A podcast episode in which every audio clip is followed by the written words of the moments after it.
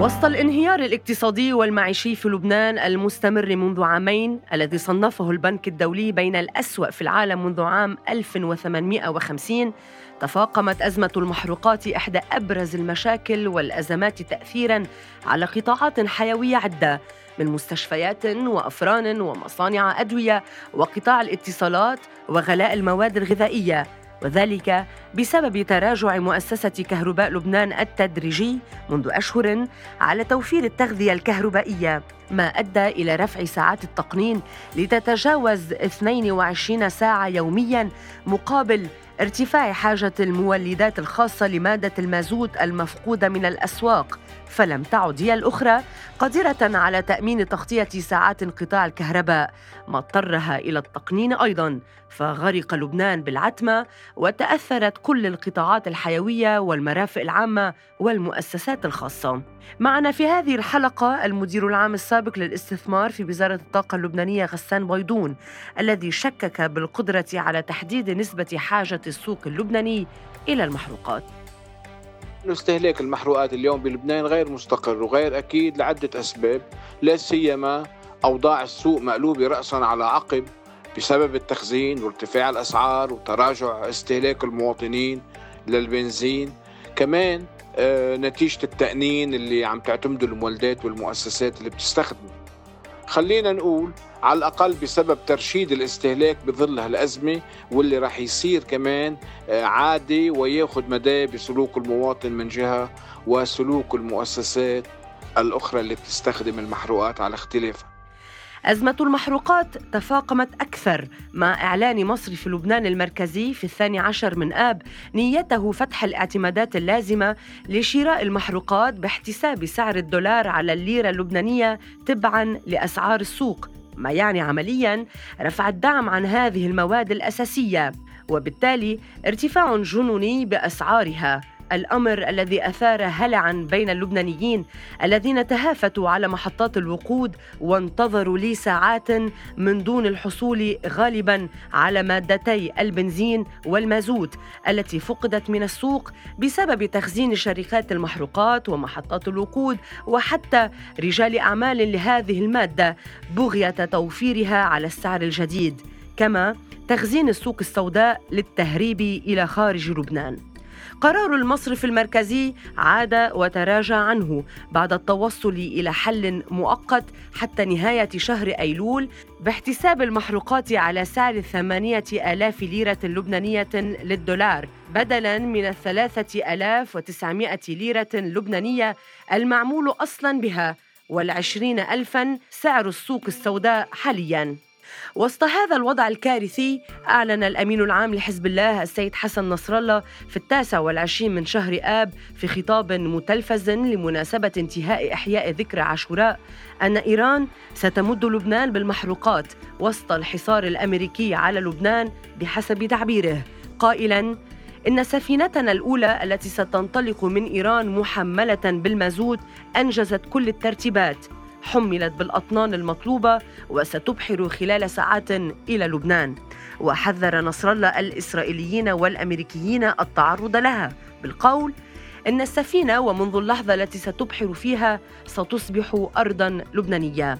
مع العلم أن السفينة الإيرانية الثالثة بدأ التحضير لها بحسب ما أعلن الأمين العام لحزب الله ذلك في خطابه الثالث خلال عشرة أيام. وهنا تجدر الإشارة إلى أن القانون الدولي المكرس بمواثيق الأمم المتحدة واضح لجهة عدم اعتبار أي باخرة امتدادا لأرض أو إقليم. وتجدر الإشارة إلى أن مستشار المرشد الإيراني للشؤون الدولية علي ولايتي بحسب ما أفادت وكالة تسنيم المحلية أعلن أنه سيتم التعامل مع أي تحرك من قبل إسرائيل ضد سفينة الوقود المتجهة إلى لبنان بطريقة غير مسبوقة من دون أن يعطي مزيدا من التفاصيل معتبرا أن تهديدات إسرائيل بوقف سفينة الوقود أمر مؤسف مشددا على أن تزويد بلاده للبنان بالوقود خطوة إيجابية. رئيس منظمة جوستيسيا للإنماء وحقوق الإنسان المحامي بول مرقس شرح لنا التداعيات القانونية لوصول السفينة الإيرانية إلى لبنان وسط العقوبات الأمريكية على إيران بينها منعها من تصدير نفطها. العقوبات على إيران تستند إلى نصين أساسيين صدرا في الولايات المتحدة الأمريكية. عام 2018 الأول بموجب أمر تنفيذي صدر في أغسطس من ذلك العام وأيضا في نوفمبر أيضا صدر ما يسمى الرزمة أو الحزمة الجديدة من العقوبات التي شملت السجاد العجمي والبنك المركزي الإيراني وخدمات التأمين والشحن وإلى ما هنالك وتحديدا مسألة النفط. ومن هنا كان استيراد النفط محظورا بمقتضى القانون الأمريكي.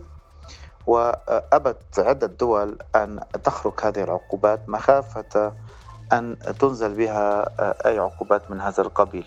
ما لم تستحصل على ما يسمى الويفر أي إجازة من قبل الإدارة الأمريكية ب يعني إعطيها الحق بالاستمرار في استيراد النفط الإيراني كما حصل مع بلدان عديدة منها آه، تركيا واليونان والهند. وكوريا الجنوبية وغيرها الكثير من الدول. حتى العراق استفاد من تمديدات كبيرة من هذه الويفر أو الإعفاءات التي سمحت له أن يعوض النقص الناتج عن الاعتماد على النفط الإيراني. فيما سوى ذلك تكون العقوبات على من استورد هذه المواد من حيث الشحن والتفريغ والتحميل. بالاسم يعني الكيان المعنوي إن كان شركة أو سواها أو الأفراد الذين تعاملوا في ذلك. طبعا الدولة المعنية وهو آه، في حالتنا الحاضرة هنا لبنان افتراضا تكون متأثرة بهذه العقوبات. يعني مستوى المخاطر تجاهها يزداد عمليات فتح الاعتمادات المستندية والتحويل تصبح أكثر صعوبة. إذا سارت الدولة باتجاه التعامل على هذا النحو الذي يخالف العقوبات الأمريكية. المدير العام السابق للاستثمار في وزارة الطاقة اللبنانية نفى أن تكون الوزارة قد وصلها حتى تاريخ هذه الحلقة أي طلب إذن رسمي لدخول السفينة وتحديدا أن موقع تانكر تراكس المتخصص في تعقب ناقلات النفط أعلن الخميس الماضي أن الناقلة الأولى المحملة بالوقود المتجهة إلى لبنان قد غادرت فعلا إيران فما هي إذن الإجراءات القانونية لدخولها لبنان؟ بالنسبة للأصول الإدارية المتبعة بالحالات العادية لاستيراد المحروقات من قبل المنشآت التابعة للمديرية العامة للنفط بوزارة الطاقة والمياه أو للمستوردين يقتضي الحصول على إذن وعلم مسبقين والتنسيق بشأن وصول الشحنات مع هذه المديرية والمنشآت والتحضير لتفريغها في الخزانات المناسبة بعد استيفاء الإجراءات الخاصة بالنوعية وغيرها وفق المستندات ذات العلاقة.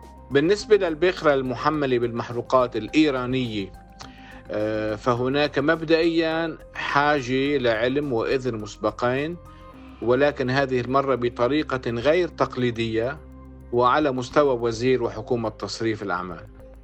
وإذا كان من إمكانية لهذا الإذن فيفترض أن يكون بموجب موافقة استثنائية تصدر عن رئيسي الحكومة والجمهورية بناء على اقتراح وزير الطاقة.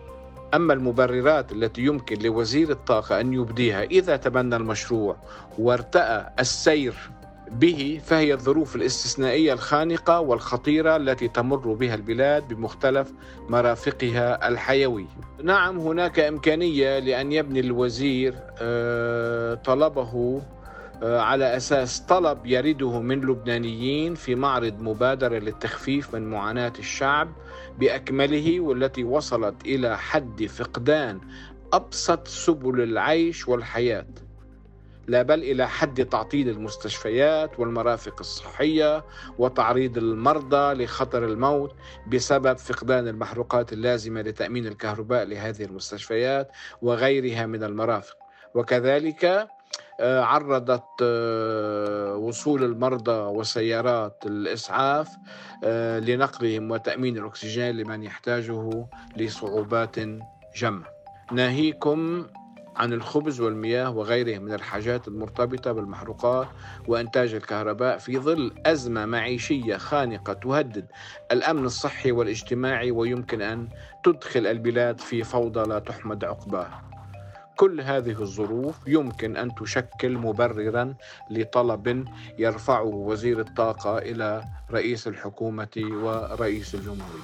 لم يوضح الأمين العام لحزب الله في خطابه الأول ما إذا كانت السفينة سترسو في الموانئ اللبنانية لكنه لفت إلى أنه عندما تصل السفينة الإيرانية إلى مياه البحر الأبيض المتوسط نتحدث حينها عن تفاصيل إلى أين وكيف ومتى والآليات العملية وما شابه. في وقت رجحت بعض المصادر اللبنانية أن تقدر حمولة السفينة الأولى بمليوني لتر من المحروقات وأنها ستعبر قناة السويس مباشرة نحو المتوسط وليس عبر طريق آخر. متحدثين عن أن السفينة قد ترسو في مرفأ بنياس السوري لعدم إحراج الدولة اللبنانية على أن طرق إدخالها برا سواء عبر الصهاريج أو غيرها من الطرق غير واضحة حتى الساعة. وتحديدا أن من سيستخدمها رجال أعمال لبنانيين يفضلون العبور بالآليات الشرعية وبالتالي هل بالإمكان الإفلات من العقوبات الأمريكية بهذه الطريقة؟ العبرة في إدخال المواد إلى لبنان سواء دخلت عبر البحر أو عبر البر وبالتالي فإن إنزالها في بلد آخر لا يخفف بالضرورة من هذه العقوبات إنما يمكن أن تكون هذه العقوبات مختلفة تبعا لكيف أدخلت ومن أجاز إدخالها وسواها من العناصر التي تحدد المسؤولية. وعليه تحدث المدير العام السابق للاستثمار في وزارة الطاقة اللبنانية عن خيارات قد تكون أيضا مخرجا لوصول المحروقات الإيرانية إلى الأسواق اللبنانية مستعينا بسوابق وإن اختلفت مع الأوضاع الحالية. الوضع أو المعلومات ضئيلة جدا وهناك تكتم شديد. هل ستصل إلى الساحل اللبناني أو غيره؟ فهذا أمر صعب التأكد منه. باستطاعتي أن أقول أن هذا التكتم يمكن أن ينطوي على عدة بدائل واحتمالات. يمكن أن تأخذ التطورات الإقليمية والتي يمكن أن تتبدل بين ساعة وأخرى بعين الاعتبار فتعتمد السيناريو بديلا عن سيناريو آخر آه، على جدول السيناريوهات. من تجارب الماضي أذكر أن باخرة رست ذات يوم قرب شاطئ دبي لتفريغ الباطون اللازم لردم مساحة بمئات آلاف الأمتار المربعة في دبي نفسها وهذا الباطون كان يتم صناعته وتحضيره على ظهر الباخرة نفسها. دعيني أتصور بالنهاية أن تتوقف الباخرة وتكون هذه الباخرة مجهزة أيضا بخراطيم تسمح بتفريغ حمولتها في أسطول صهاريج يكون بانتظارها على الأرض أو يمكن أن تصل هذه الصهاريج إلى سطح الباخرة لتملأ آه، ما يمكن أن تحمله من محروقات. قلت أنه الموضوع يتعلق بحدث على مستوى عال من الأهمية والمحاذير والمخاطر. والأرجح أن يكون تحرك بعض الدبلوماسية محاولة لسحب الذرائع من يد أي مسؤول ممكن أن يتجاوب لتسهيل تحقيق هذا الوعد بين الهلالين. أما في المواقف العلنية فقد أكدت طهران في الثالث والعشرين من شهر آب الجاري عبر المتحدث باسم الحكومة الإيرانية سعيد خطيب زادة أنها على استعداد لشحن مزيد من الوقود إلى لبنان إذا اقتضت الضرورة وأكد أن بلاده تبيع نفطها ومشتقاتها بناء على قراراتها واحتياجات أصدقائها. يأتي هذا وسط لا موقف لبناني رسمي من السفينة حتى تاريخ إعداد هذه الحلقة فالترقب سيد الموقف. باستثناء كلام رئيس الحكومة اللبنانية المكلف تشكيل الحكومة نجيب ميقاتي الذي قال خلال مقابلة تلفزيونية إنه لن نسمح لملف السفينة الإيرانية بأن يعرض لبنان للخطر وللعقوبات. مضيفا إن أي موضوع يضر بمصلحة لبنان نحن ضده ولن نسمح لأحد بأن أن يؤدي بنا لأي عقوبات جديدة لكن أقول للمنتقدين ولجامعة الدول العربية أعطونا شمعة. فنحن لا نقدر أن نقول لا للباخرة من دون أن نملك بديلاً. بدوره اعتبر رئيس الحكومة اللبنانية الأسبق سعد الحريري أن هذه الخطوة ستحمل معها مخاطر وعقوبات إضافية. فرد رئيس حزب التوحيد العربي الوزير الأسبق وئام وهاب المقرب من حزب الله قائلاً كلام الحريري قطع الطريق على تشكيل الحكومة. وهل يريد سعد الاستمتاع بطوابير الظل لإرضاء أسياده الأمريكيين؟ فكان الرد هذه المرة من منسق الإعلام في تيار المستقبل الذي يترأسه الحريري عبد السلام موسى فغرد جوابا على سؤالك. الحريري معني بكرامة اللبنانيين. أما أنتم فمعنيون بفتاوى المرشد الإيراني. رئيس حزب القوات اللبنانية سمير جعجع المعارض لحزب الله حمل بدوره رئيس الجمهورية العماد ميشيل عون مسؤولية عما يمكن أن يلحق بالبلد بعد وصول السفن الإيرانية إلى لبنان. أما النائب عن مدينة بيروت فؤاد المخزومي غير الحليف مع الحريري فاعتبر أن دخول السفن الإيرانية الأراضي اللبنانية قرار خطير ستكون انعكاساته سلبية لجهة تأثر لبنان حتما بالعقوبات المفروضة على إيران منذ العام 2018 والتي ستفرض على لبنان حصارا اقتصاديا جديدا من نوعه. يقيد حركة البلد المصرفية لجهة تعامل مصرف لبنان مع المصارف المراسلة في أمريكا تحديداً. في المقابل اشتعلت مواقع التواصل الاجتماعي بردود الفعل المتأرجحة بين مؤيد ومعارض ومترقب فغرد البعض تحت هاشتاج شكرا إيران وهاشتاج سفينة الوعد الصادق فيما اعتبر آخرون أن هذه الخطوة تسيء للدولة اللبنانية وأن هذه المحروقات التي ستأتي من إيران هي أصلا مهربة من لبنان إلى سوريا من قبل حزب الله. يأتي هذا فيما أكدت الأمم المتحدة أن نقص الوقود في لبنان يعرض آلاف العائلات للخطر ويهدد توفير الخدمات الصحية والمياه الأساسية. فيما أعلنت الرئاسة اللبنانية أن الولايات المتحدة عبر سفيرتها في لبنان دوريثي شاي أبلغت الرئيس ميشيل عون بوضعها خطة لاستجرار كهرباء أردنية عن طريق سوريا على أن يتم توليد الطاقة عبر الغاز المصري. رغم أن العملية تحتاج إلى شهور عدة لكن الخبراء يؤكدون أن هذا الخيار سيستغرق أشهرا وتمويلا وتفاوضا مع السلطات السورية وهو أيضا ملف خلافي بين الأفرقاء اللبنانيين بينما وصول السفينة الإيرانية الأولى سيكون خلال الأيام العشرة المقبلة. الأنظار لبنانية كانت أم خارجية كلها متجهة إلى مصير هذه السفينة التي سترسم ملامح المرحلة المقبلة أقله بالنسبة إلى لبنان. بين فرض عقوبات أمريكية على المصارف اللبنانية المراسلة بالخارج والتصعيد على الصعد كافه منها العسكرية خصوصا في ظل حرب الناقلات بين إيران وإسرائيل قبالة خليج عمان وبين التسريع في البدء بفرض التسويات المرحلية للأزمة اللبنانية.